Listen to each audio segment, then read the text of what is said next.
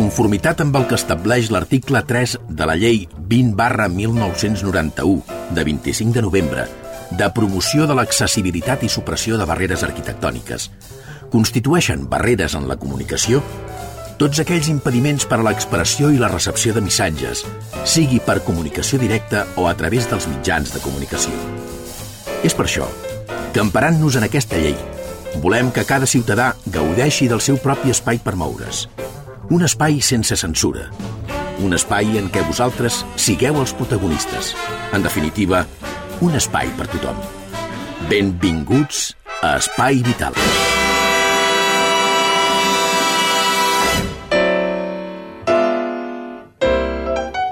Senyores i senyors, què tal? Com estan? Benvinguts, ben trobats un dia més a un programa més. Aquest és l'Espai Vital. Salutacions a l'Alfredo Ángel Cano, el Freddy para los amigos. Hola, Freddy. Hola, Xavier, com estem? Pues molt bé, i a punt d'encarar un programa amb els controls tècnics del nostre tècnic, el Jordi Puy. Molt bé, doncs, 3, 2, 1, comencem el programa d'avui. Això és Espai Vital. I des de Cerdanyola, Ripollet, Montcada, Barberà, Santa Perpètua i Sabadell. Avui a l'Espai Vital ens acompanya moltíssima gent, totes encapsulades en una gravació que va realitzar el nostre tècnic Jordi Puy i la gent d'Espassur, Ripollet, i que ara us volem donar perquè ho escolteu. Mm, Realment són fabulosos. Buenos días. Buenos días. Buenos días. Buenos días. Estamos en Radio Ripollet, Spy Vital, y hoy vamos a hablar de, del amor y la pareja. Tenemos a ocho chicos Sí, ocho de chicos. dos centros diferentes y si queréis pues podéis ir presentando y decir al centro que pertenecéis, ¿vale? Empezamos por ti, Amadeo. Hola, soy José, venimos de Fer de Mayo. Seguimos la rueda. Hola, yo me llamo Nuria y vengo de Aspasur. Hola, me llamo Israel y vengo de, de Aspasur. Bueno, me llamo Javi y vengo de Flor de Mayo. Hola, me llamo Fátima y vengo de Aspasur. Hola, me llamo Pedro y vengo de Aspasur. Hola, yo me llamo Sara Apachu. Hola, jo em dic Sílvia i sóc d'Espassur. Hola, yo soy Joan y vengo de Aspasur. Hola, amigo Javier Cantó y vengo de Flor de Mario. Muy bien, aquí tengo a ¿Tú mi, compañera, a mi compañera María de Aspasur y yo soy Siscu de Flor de Mayo y, y bueno, ya podemos empezar, ¿no? Con la primera pregunta. A ver, vamos a haceros una serie de preguntas y vosotros iréis contestando. Ya sabéis que este programa lo hemos preparado con muchas ganas, ¿vale? Y simplemente pues es, bueno, pues dejar llevarse y a contestar, ¿vale? A ver, eh, por ejemplo, yo me gustaría que me enumerarais tres cualidades que os gustaría que tuviera vuestra pareja ideal. Por ejemplo, Sara. Yo. Sí. Eh, cariñoso, y amable y simpático. Cariñoso, amable y simpático. Yo creo que puede ser una pareja ideal. ¿Quién más nos quiere decir Silvia? Por ejemplo, ¿a ti qué cualidades te gustaría que tuvieran? Pues que me tratara bien, que haga, haya respeto y, y confianza. Respeto y confianza. Yo creo que son dos cualidades muy importantes en una pareja.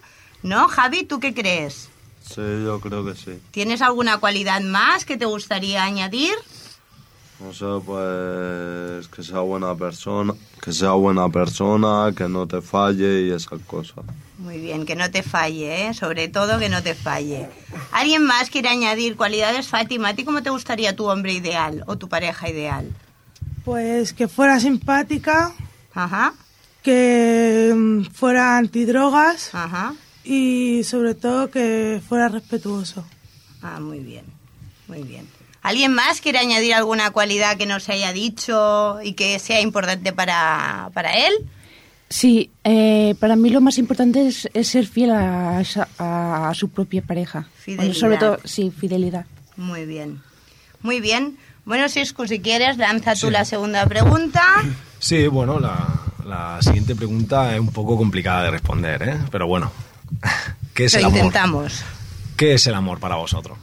Por ejemplo, pues es un estado bastante bonito cuando te ocurre y estás como en una nube, por ejemplo, ¿no? Sí.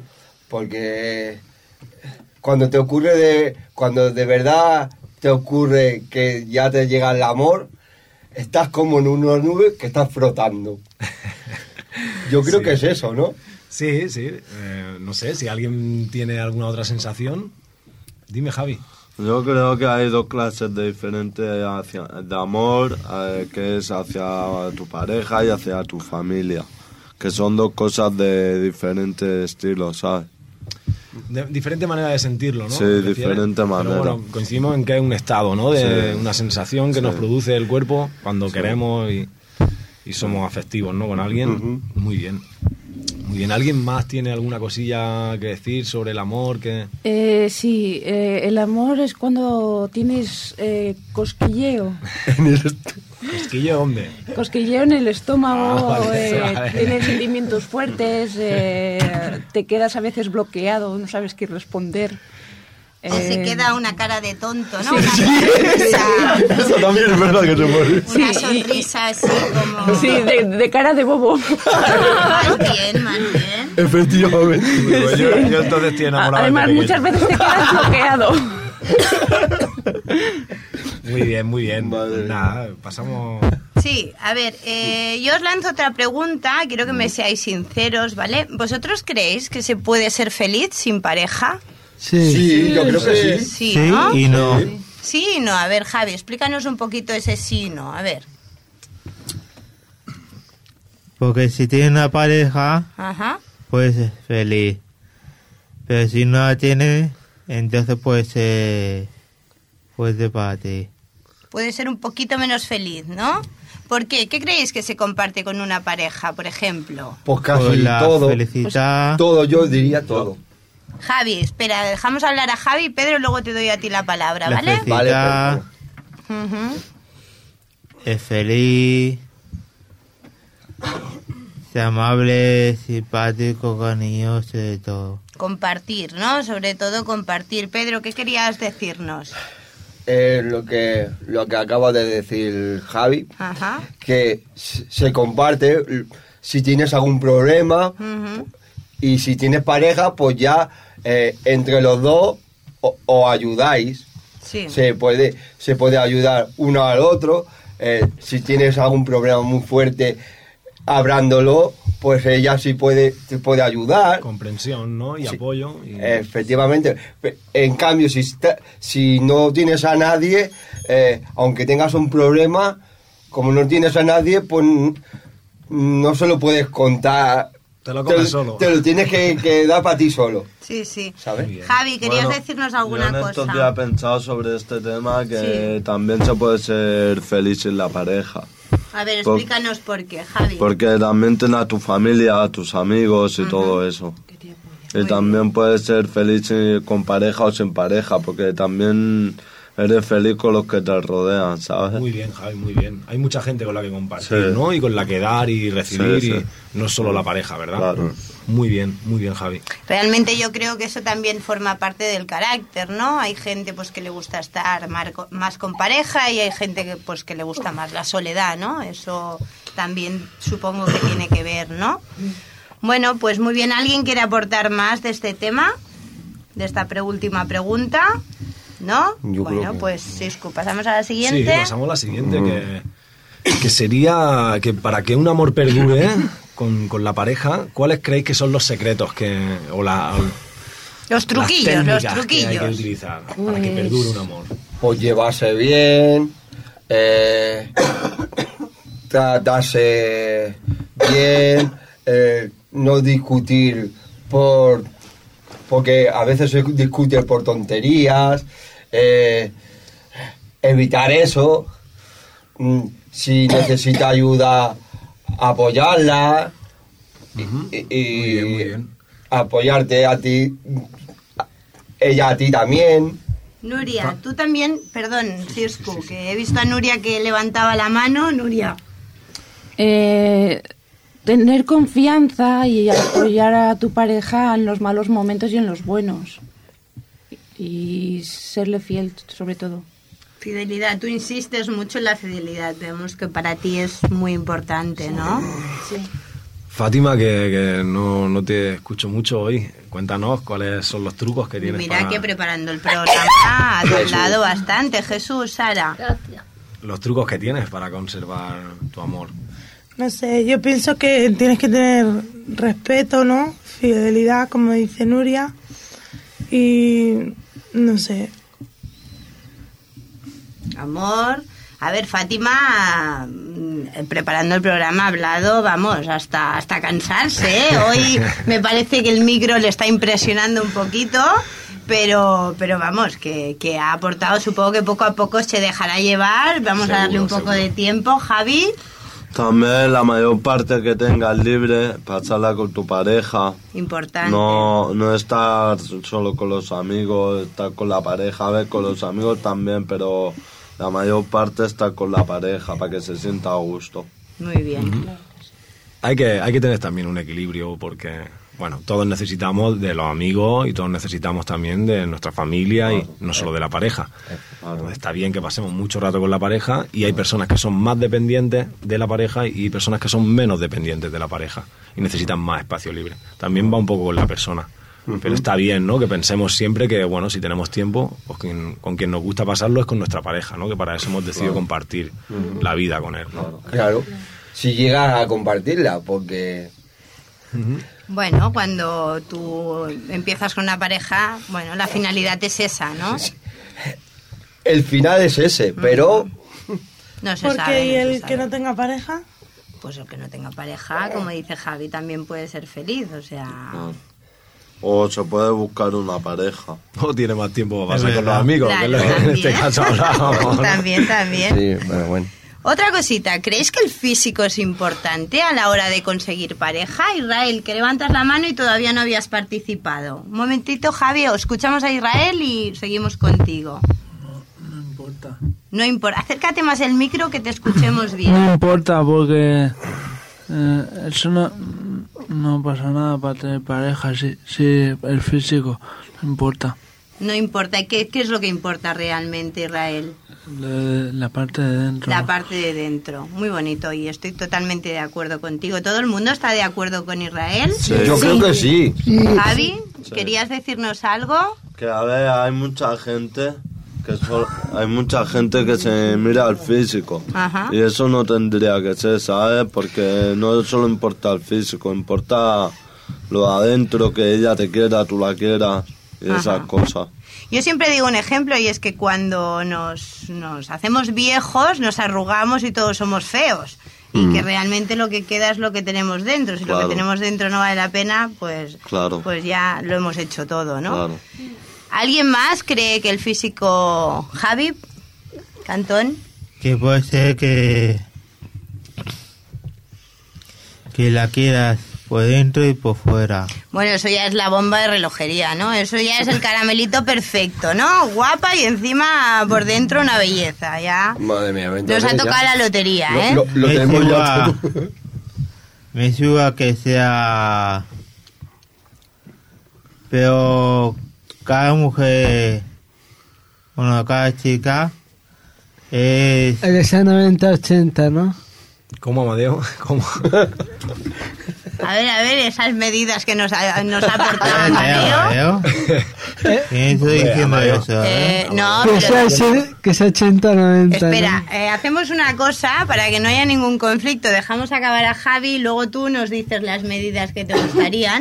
¿Vale? Javi, acaba, por favor. Me suba que sea. fea o guapa. Pero por tan- lo importante que la quieras por dentro y por fuera. Muy bien, Javi. Y a ver, el señor Amadeo, que daba aquí unas medidas aquí espectaculares de modelo, me parece que no tenemos nadie. A ver, ¿a ti realmente te importa el físico en una mujer? No. ¿No? ¿Y esas medidas que nos estabas dando, qué quieren decir? Por Pero- decir algo. Ah, por decir algo. Una bromita, ¿no?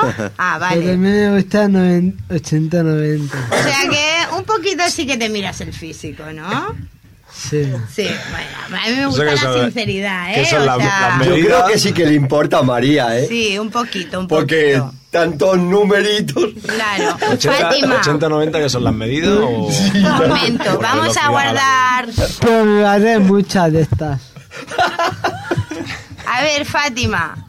Que como decíamos cuando estábamos haciendo el programa allí en Espasur, sí. que, mm, que lo que primero miramos, ¿no? Como decía el Siscu, que lo que primero vemos el lo que nos Es entra por los ojos. Sí, cierto.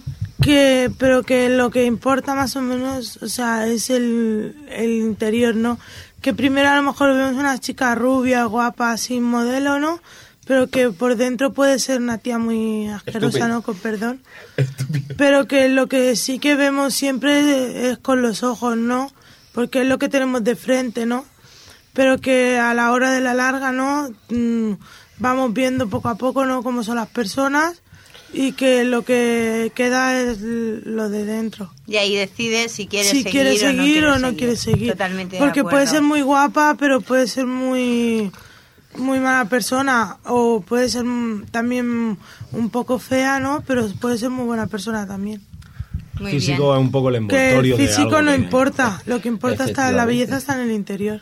Muy bien. Pedro, ¿querías aportar algo más? Yo creo que eh, lo que ha dicho la Fátima tiene mucha razón. Eh, aunque tú veas por los ojos, si, si la chica es guapa, muy alta, eso no quiere decirte nada, porque como no la, no la tratas, Claro. como no la has tratado, pues no sabes cómo es. Y lo importante es lo de dentro, hasta que no la tratas. En relación a esto que hemos preguntado, ¿alguien se ha re- sentido rechazado por el físico? Silvia, que no nos ha comentado nada, ¿eh? que también el micro me parece que la está cohibiendo un poquito. A ver, Silvia, explícanos, ¿tú te has sentido rechazada por el físico alguna vez? Sí, Sí, ¿por qué? Explícanos. porque eh, como era obesa, pues no les no le gustaba y entonces me rechazó por eso. Realmente yo con Silvia pasó una anécdota, no sé si te acuerdas, Siscu, su novio también estaba preparando el programa de radio y a su novio le gustaban delgaditas, delgaditas. Y llevan ocho años, si no me equivoco, Siete, Silvia, siete. siete años, enamoradísimo hasta los huesos. Y decía, a mí me han gustado siempre delgadas, pero la vi y me enamoré. O sea que realmente es lo que decimos, el físico eh, no tiene nada que ver y está perdido hasta su, su último Michelin, ¿no? Por decirlo de alguna manera. Sí. ¿No? ¿Alguien bueno, más? Que, que Silvia también, pues quizás no sea delgadita, pero que hay que decir que es una bellísima persona. Sí, sí, sí, totalmente de acuerdo. Que aquí está, aquí está el ejemplo, ¿no? De que por, por dentro va también la belleza. Muchas gracias. Nada, hombre. Tony Cantón, Pero lo que ha dicho el amareo, eh, de las medidas no bromistas. me gusta nada. Ya, pero bueno. El Amadeo ya sabemos que es muy bromista, que de vez en cuando le salen esas, de vez en cuando le salen esas bromas, pero hay que aceptarse tal y como somos, ¿eh, Javi? ¿De acuerdo? Ya. Aquí estamos disfrutando este programa de radio que, que bueno, que, que está siendo pues muy guay y, y bueno, y seguimos con la siguiente pregunta, Sisku. Pues sí, bastante. Yo creo que todos nos acordaremos, ¿no? Si lo hemos tenido. ¿Cómo fue nuestro primer amor? ¿Cómo lo recordáis? El mío muy malo. El tuyo muy malo, Pedro. Muy malo, muy malo. ¿Usted qué, Joan? Muy malo, demasiado malo. Espera, Pedro, dejamos hablar a Joan que todavía no, no ha participado. Bastante fuerte. ¿Bastante Sí. fuerte Sí. su primer amor? Sí. ¿Lo recuerda muy fuerte? No me digas de este hombre. Bueno, es que hay una Que es diferencia de edad. joven, es joven. Hay una diferencia de edad y yo ahí respeto siempre a los mayores. Pues ha sido muy fuerte. Pues cuéntame. Porque a esta chica la conocí en una residencia geriátrica. En San Agustín. Vistiendo personas de la tercera edad que no tenían nadie. Y, y allá, pues, me, me enamoré de ella. Que le daba sexo, ¿no? Bueno. A ver, Fátima. eh, Fátima, por favor. Dejamos a Joan hablar. Fátima, con. No largue la historia. A ver, señor Joan, estamos en horario, en horario escolar, no se pueden decir palabrotas, por favor. ¿Vale? no Seguimos nuestra historia, por favor. Y aquí estuvimos cuatro años juntos. Ajá. ella y yo. Cuatro años, sí. Pero ¿qué pasó? Que tuvieron un accidente la familia de esta chica. Y esta chica tuvo que marchar a Cuba. Entonces, ella quería venir a España. Pero Fidel Castro no la dejó irse de ella. Porque en Cuba está la dictadura, que en España no. Es- eh, hemos, hemos tenido casi un mes escribiendo cartas telefónicas, pero se acabó. Joan, una historia muy Ah, bonita de amor. Que me duró Muy llantos bonita. y llantos. Los ¿eh? primeros amores dejan muchas lágrimas, señor Joan. Muchas Sí, lágrimas. muchas, muchas. A ver, Pedro, que quería, estabas levantando la mano. Explícanos tu primer amor. Pues ya te, ya te digo, el mío fue fatal. Fatal. Sí, fatal. Lo recuerdas mal. A ver, explícanos. por Mal porque, mal.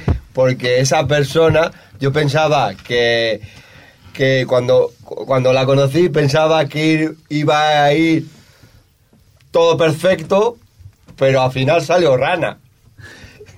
Me salió rana porque, porque estando mm, por mi problema como estoy, Tu problema, como estás, nuestros oyentes no te ven, tú tienes un problema de movilidad, vas en silla de ruedas. Efectivamente. Y llevo muletas y tal. Y por ese tema, pues la primera pareja, pues ya no quiso estar conmigo. O sea, que fuiste rechazado físicamente, como comentábamos anteriormente, ¿no? E- efectivamente, por esa persona.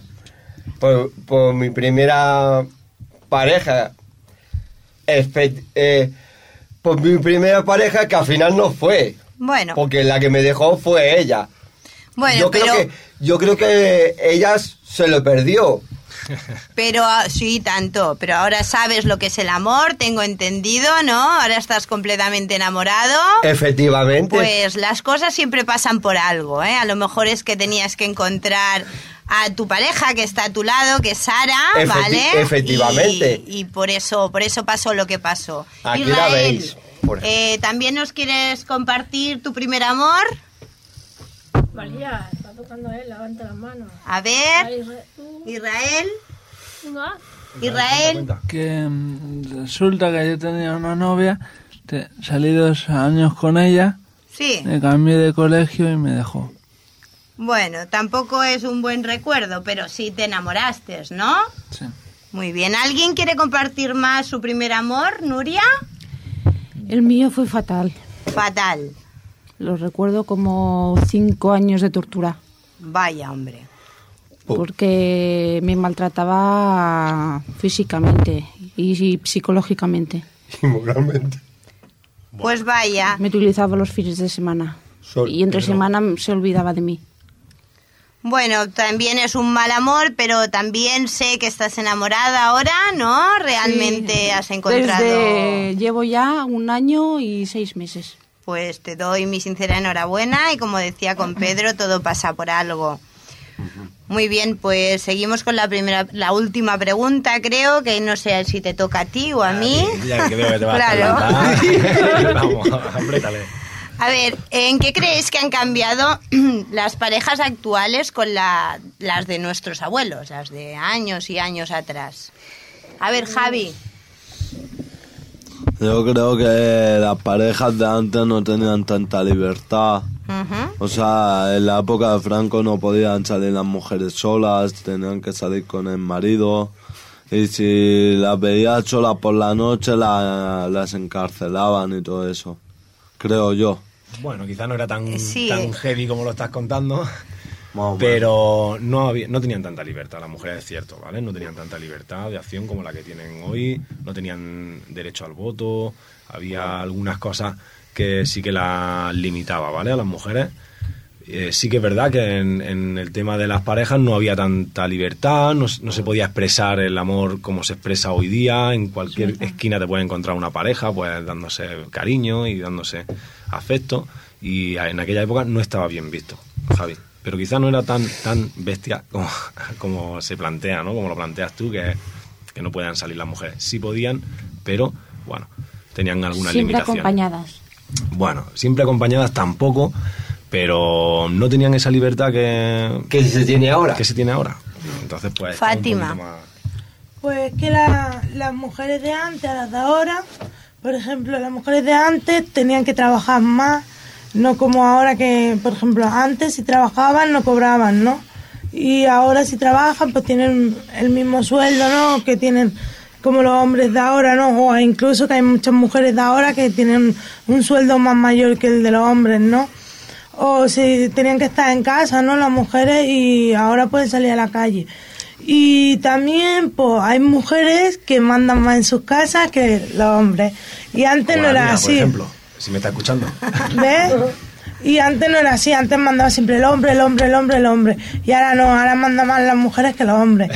Pero, pero en cuanto al tema, que es la pareja, que... De eso que pues antes no podía haber lesbianas ni bueno homosexuales de estos por la calle y ahora se pueden casar los Claro. gays y las lesbianas y antes no se podía, antes veía a un gay o una lesbiana y me parece que los mataban, ¿no? Los metían a la O, cárcel. o eso.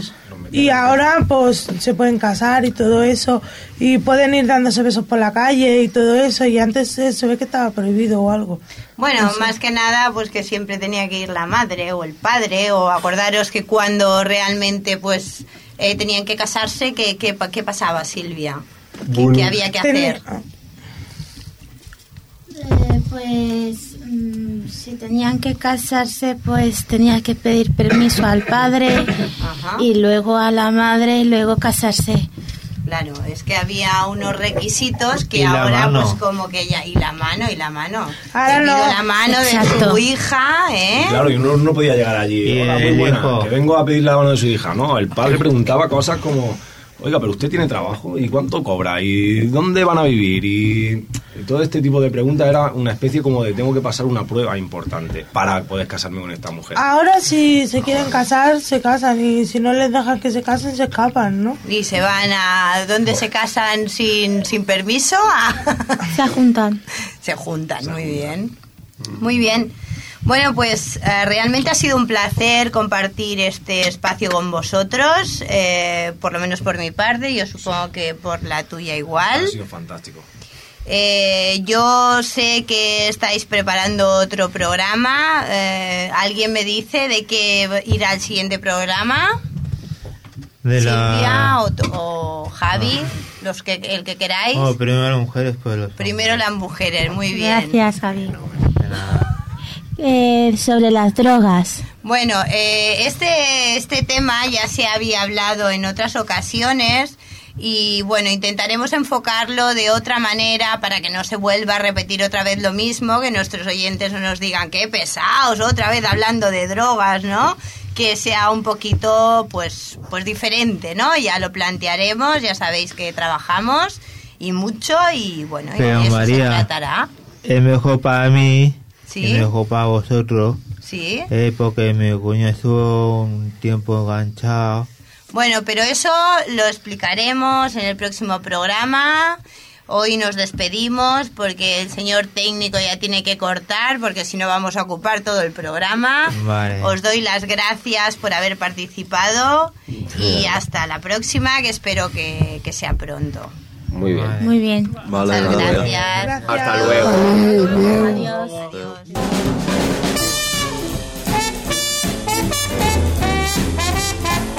Estàs escoltant Espai Vital. I realment eh, interessant, interessant l'espai d'Espassur i de Patronat Flor de Maig. Són. Fundació Catalònia, de fet són tots Fundació Catalònia. M'ha agradat l'espai d'avui, Freddy. Xavi, has vist que ens falta una, una presència? Bé, és que li hem donat festa a la Maria.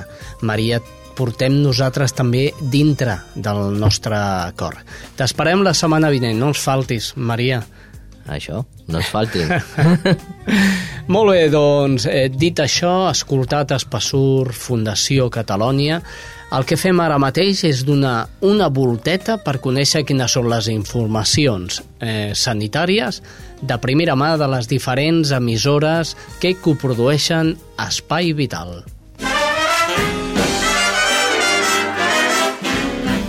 I comencem amb Cerdanyola. Allà es troba la Rosa Morante. Hola Xavi, avui des de Cerdanyola Ràdio us expliquem eh, que una cinquantena d'infants participen en el projecte de la Coral d'Infants Sons de Pau a càrrec de l'entitat Turó Solidari i les professores de música Maria Josep Besson i Conxi Gil. El projecte, inclòs dins dels plans educatius d'entorn, es va iniciar l'últim trimestre de l'any passat amb l'objectiu d'aprofitar els aspectes terapèutics que ofereix la música. La presidenta de Turó Solidari, Encarna Larrey, explica que es tracta d'utilitzar la música per construir harmonia.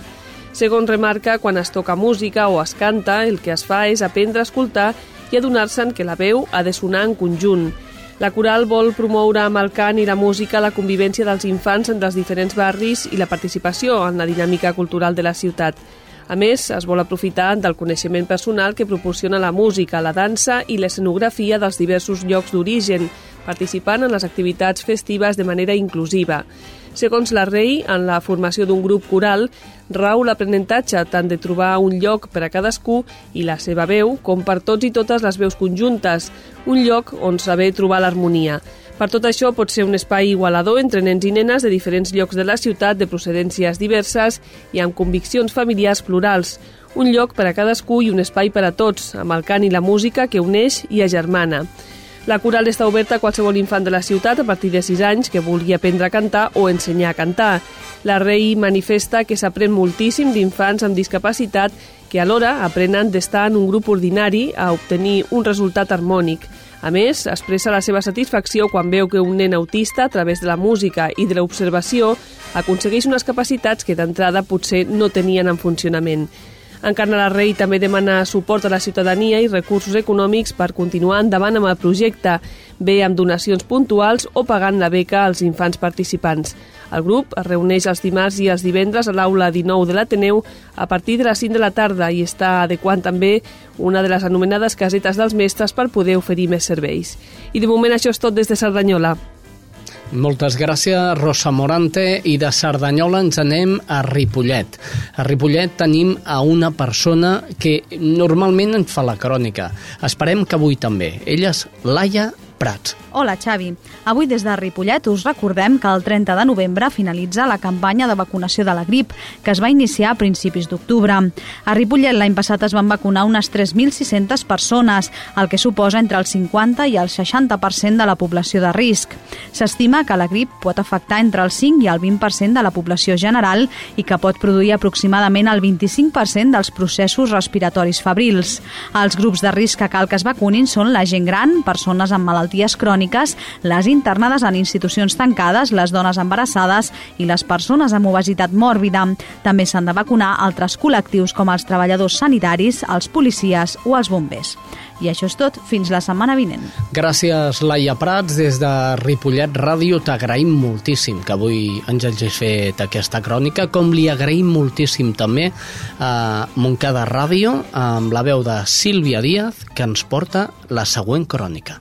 Hola, salutacions des de Montcada, l'Espai Vital. La Fundació Taller és una institució que té diverses delegacions. A la província de Barcelona ha col·laborat amb la inserció laboral d'una vintena de persones discapacitades i malalts mentals de Montcada i Reixac durant el 2010 i el 2011 de la seixantena que ha atès en aquest temps. Al municipi la Fundació ofereix el servei d'inserció a les oficines de promoció econòmica des de l'any passat mitjançant un conveni de col·laboració dirigit a l'atenció, orientació i inserció de les persones amb discapacitat. Per tal de conèixer la Fundació, una delegació municipal va visitar a mitjan de mes les instal·lacions de l'organització a Santa Coloma de Gramenet. La Fundació Tallers ofereix a empreses públiques i privades serveis de gestió documental, jardineria, manipulats, neteja, artesania, neteja viària, manteniments urbans, entre d'altres, i també assessora a les empreses en els temes de compliment de la llei d'inserció i la responsabilitat social corporativa. Actualment aquesta entitat té 290 treballadors, el 80% amb discapacitat i trastorn mental. A més, atenen a 150 persones als seus centres centres ocupacionals, que és l'alternativa des de l'àmbit de serveis socials a la integració laboral d'aquelles persones que no poden incorporar-se al sistema ordinari de treball. Doncs bé, això és tot. Fins la setmana vinent. Gràcies, Sílvia Díaz, Montcada Ràdio i de Montcada Ràdio cap a Barberà. Xiquitín, qui tenim a Barberà? David Martí. Doncs escoltem-lo. Salutacions des de Ràdio Barberà. Salut Mental Sabadell ha presentat a la Biblioteca Esteve Pelutsier de la nostra ciutat el curtmetratge Instants de Planiluni. Es tracta d'un curtmetratge breu que gira a l'entorn d'un jove amb símptomes de trastorn mental i la reacció i les actituds dels seus companys des del moment que es manifesta la malaltia amb la finalitat de sensibilitzar i informar sobre la malaltia mental, després del curtmetratge es va fer un col·loqui amb familiars de persones que pateixen la malaltia. En un col·loqui on es van plantejar els dubtes més freqüents, sobretot entre els familiars de les persones afectades. Les malalties mentals acostumen a afectar els joves i els primers símptomes es poden començar a deixar notar a partir dels 10 anys. No obstant, no cal confondre aquests símptomes amb els relacionats amb les demències senils de la gent gran.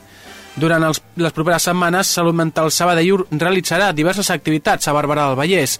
El segon acte serà el dilluns dia 28 de novembre, a les 6 de la tarda. En aquest cas, es tracta d'una sessió per donar a conèixer el coaching com a eina per gestionar les situacions. L'activitat anirà a càrrec d'un professor expert i es realitzarà a la Biblioteca Esteve Pelutsier. La darrera activitat està programada pel dimecres 14 de desembre, també a les 6 de la tarda, i serà una sessió de moviment teràpia a càrrec de Maria Elisa Alcheik Strubinger. Per participar en el taller que es farà a la Biblioteca Esteve Pelucci es recomana portar roba còmoda. I això és tot des de Barberà. Fins la setmana vinent. Gràcies, David Martín. Des de Ràdio Barberà anem cap a Ràdio Santa Perpètua. Allà es troba l'estrella Núñez. Hola, amics i amigues de l'Espai Vital. La taula de control social de la crisi té tot pràcticament enllestit per a la campanya El Gran Recapte d'Aliments, prevista per als dies 25 i 26 de novembre. Uns 200 perpetuencs s'han inscrit com a voluntaris per participar en aquesta iniciativa de la Fundació Banc d'Aliments que es desenvoluparà a Santa Perpètua i a tot Catalunya. Els supermercats Condis, Mercadona, Carrefour Express, Bonpreu i Esclat, el Mercat Municipal i el Pavelló d'Esports esdevindran els principals punts de recollida dels aliments. Amb la voluntat de col·laborar amb aquesta campanya, l'Ajuntament de Santa Perpètua, les empreses empreses Tambon, Volpa, Calstom, la Perpetuenca i Eurobrill i les escoles del municipi disposaran d'un contenidor per tal de recollir aliments entre els dies 21 i 25 de novembre. L'objectiu de la iniciativa és sensibilitzar la població de la realitat de fam que existeix a Catalunya i de la importància de la participació ciutadana en l'atenció d'aquest problema. Un altre dels objectius del Gran Recapte és aconseguir aliments bàsics, llegums seques, llet, oli, llaunes de conserva de peix i tomàquet natural, entre d'altres, per tal de fer-los arribar a les persones més necessitades de cada cada municipi. El gran recapte d'aliments a Santa Perpètua tindrà lloc el dia 25 a partir de les 4 de la tarda i durant tota la jornada del dia 26. Voluntaris instal·laran taules a les portes dels principals punts de recollida per tal d'informar i demanar als ciutadans aliments. El gran recapte a Santa Perpètua s'ha posat com a objectiu recollir un total de 10 dones d'aliments. Amb aquesta iniciativa solidària ens acomiadem des de Santa Perpètua. Fins la setmana vinent. Gràcies, Estrella Núñez, i anem cap a Sabadell. Allà es troba la Núria Brugués. Salutacions des de Sabadell. L'Associació Vallès Amics de la Neurologia, l'Avant, ha rebut una important injecció econòmica que dedicarà al seu programa d'atenció psicològica per a malalts neurològics. L'ajut és de 20.000 euros, una quantitat que ha aportat l'obra social Catalunya Caixa. És una xifra important i és que al llarg d'aquest 2011 en aquest programa s'estan atenent entre 350 i 400 famílies. Aquest projecte té com a objectiu millorar la qualitat de vida de les persones amb discapacitat d'origen neurològic, però també dels seus cuidadors. Des de Catalunya Caixa es destaca la importància de la tasca social de les associacions i s'ha apuntat que l'ajut a l'avant és una clara mostra que l'entitat vol continuar revertint beneficis en les entitats socials. Doncs gràcies Ràdio Sabadell per la vostra crònica i ara el que toca és escoltar Alta Sensibilitat, una vida rota por el ictus. Escoltem-la de la de María López. A continuación, les ofrecemos Alta Sensibilidad un libro sobre el ictus. Alta sensibilidad, un libro de Isabel Palomeque, escrito en primera persona y llevado a la radio de la voz de María López. Una producción de Spy Vital.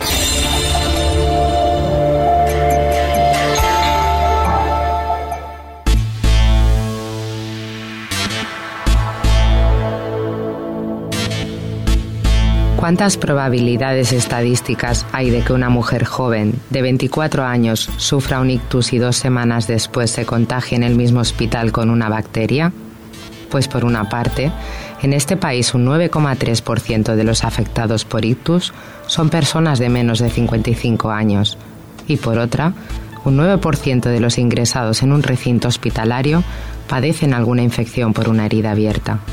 En conclusión, soy representante de esta fatídica proporción a través del MARSA. Con este nombre se conoce una curiosa variante de bacteria que se nutre de la superficie externa del cuerpo humano, piel, mucosas o cabello. En otras palabras, un nuevo concepto para la formación médica intensiva que mis pobres padres iban asimilando en todo este proceso y un obstáculo más en mi recuperación. La manera de comprender cómo me afectó el Mars a nivel psicológico es fácil si uno puede llegar a imaginarse una tortura consistente en la privación de las principales funciones para comunicarse. Y encima es condenado a una habitación aislada. Así me encontraba yo. Casi no hablaba, no reconocía la letra escrita mi cabeza oscilaba todavía entre la claridad de pensamiento y una burda niebla que me hacía pasar los días desorientada, sin saber qué hora era o en qué día me encontraba. Desde entonces siempre llevo reloj para no volver a sentir nunca esa terrible sensación. Así que el aislamiento y la asepsia de mi entorno y de los que me rodeaban me dejó aún más aturdida. Sencillamente no podía entender nada. En un momento, mis ojos pasaron del rostro de mi madre a un mar de batas y mascarillas, y detrás de ellas, mi familia y mis amigos, que ahora solo me podían tocar desde la frialdad del látex. ¿Qué hacían mis padres vestidos de médico? Con este interrogante planeando por mi cabeza cumplí 20 días tras el ictus. Aquel 17 de marzo, los médicos dictaminaron mi aislamiento definitivo.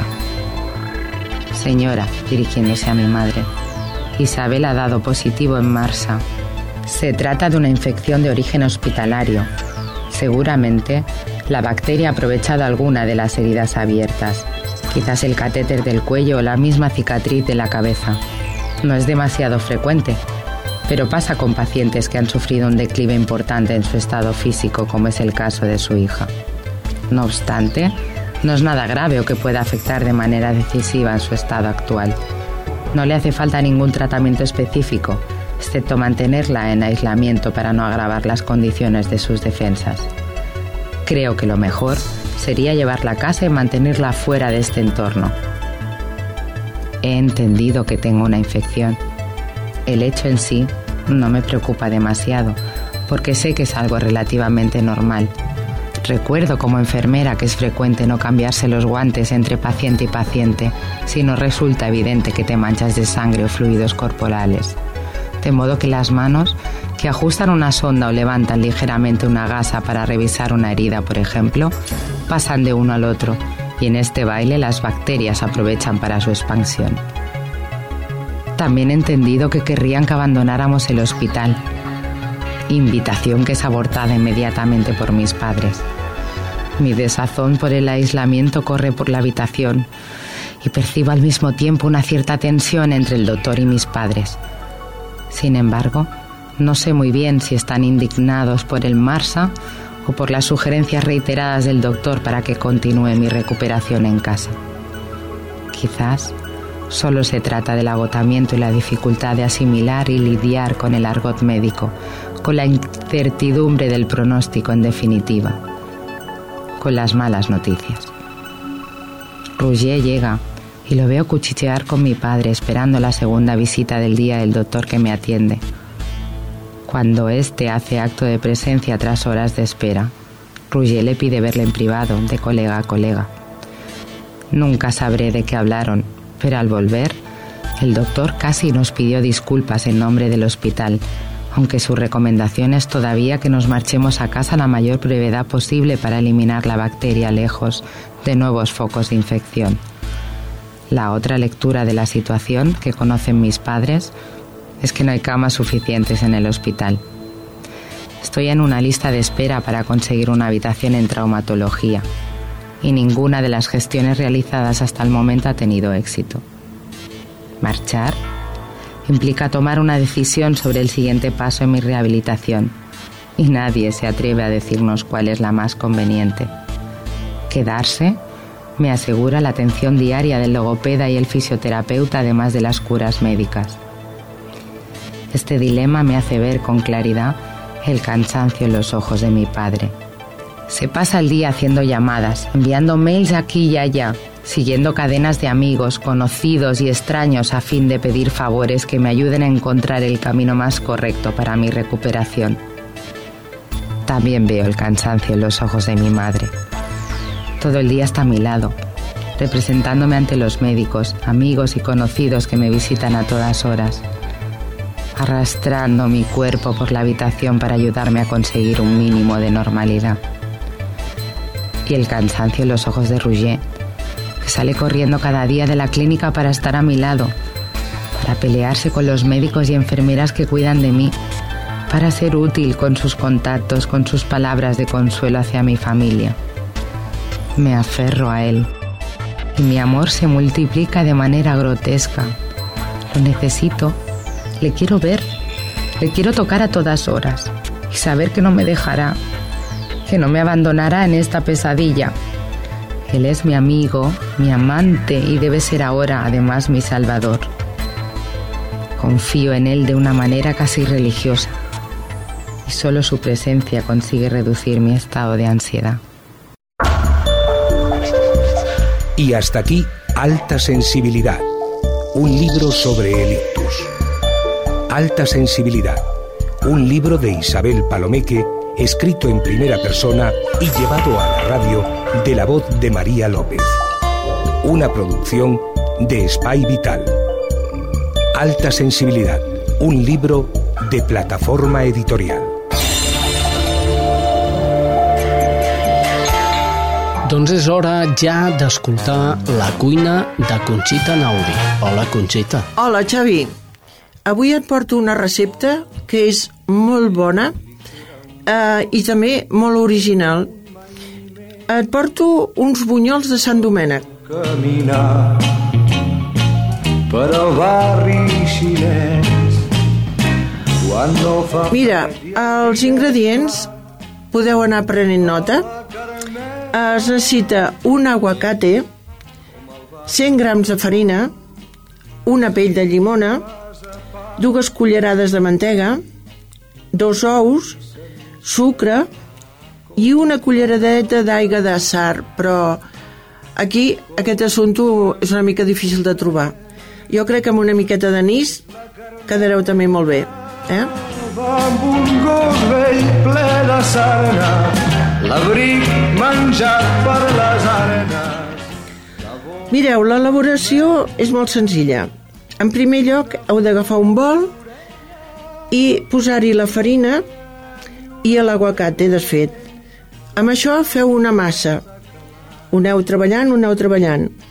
Quan estigui ben feta, ben suau, i afegiu la pell de llimona ratllada i es deixa reposar. Al cap de mitja hora, més o menys, s'hi afegeix la mantega desfeta, els ous i una mica d'aigua tèbia.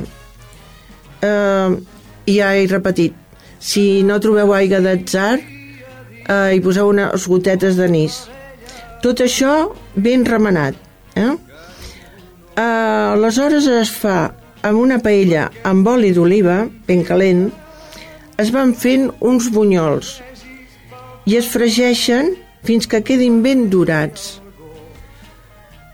Abans de servir-los, poseu-hi sucre pel damunt i així queden més bons i més decoratius. Potser tu haguessis un ple d'or a la carmeta Mireu, aquests bunyols tan exòtics estan dedicats a Santo Domingo de Guzmán, originari de l'Alto Duero, prop de Burgos, i nascut a l'any 1170. Diuen que aquest sant va ser el creador del rosari que commemora els 15 misteris de la Verge Maria. Ja veieu que és uns bunyols molt de tradició. Eh, desitjo que us agradi i que ho feu. Adéu-siau. Gràcies, Conxita Naudi, ja has vist el que hem preparat avui, eh? Tota Sí, la sí, cuina, eh? Està molt bo. Molt bé, marxem. Eh, la música de Juan Perro que ens dona el final de l'espai vital d'aquesta setmana. Tornem la setmana vinent. No ens perdin d'oïda. Adiós. ¿Cómo te llamas? Vienes de lejos, tú y yo tenemos que hablar. Si buscas algo de ganja, de mí te puedes fiar. Si la fortuna del hombre es un amigo en cualquier lugar, yo con los ojos cerrados veo en el fondo del mar. Y me miraba como un pirata disimulando y aparentando que porque nunca se detuvo a echar las cuentas, aunque alguna que otra cuenta tuvo que saltar. Pasa la tarde sobre la arena y en un suspiro se va, y el sol que prende la selva se mete luego en el mar, y negril entero ardiendo, selva, arena y cielo está, que parece una bandera y se evapora desde las aguas la sombra negra. Brillan sus ojos en la oscuridad y pregonando la noche va por la carretera. Desde Lucía hasta Negril, ¿quién me quiere llevar?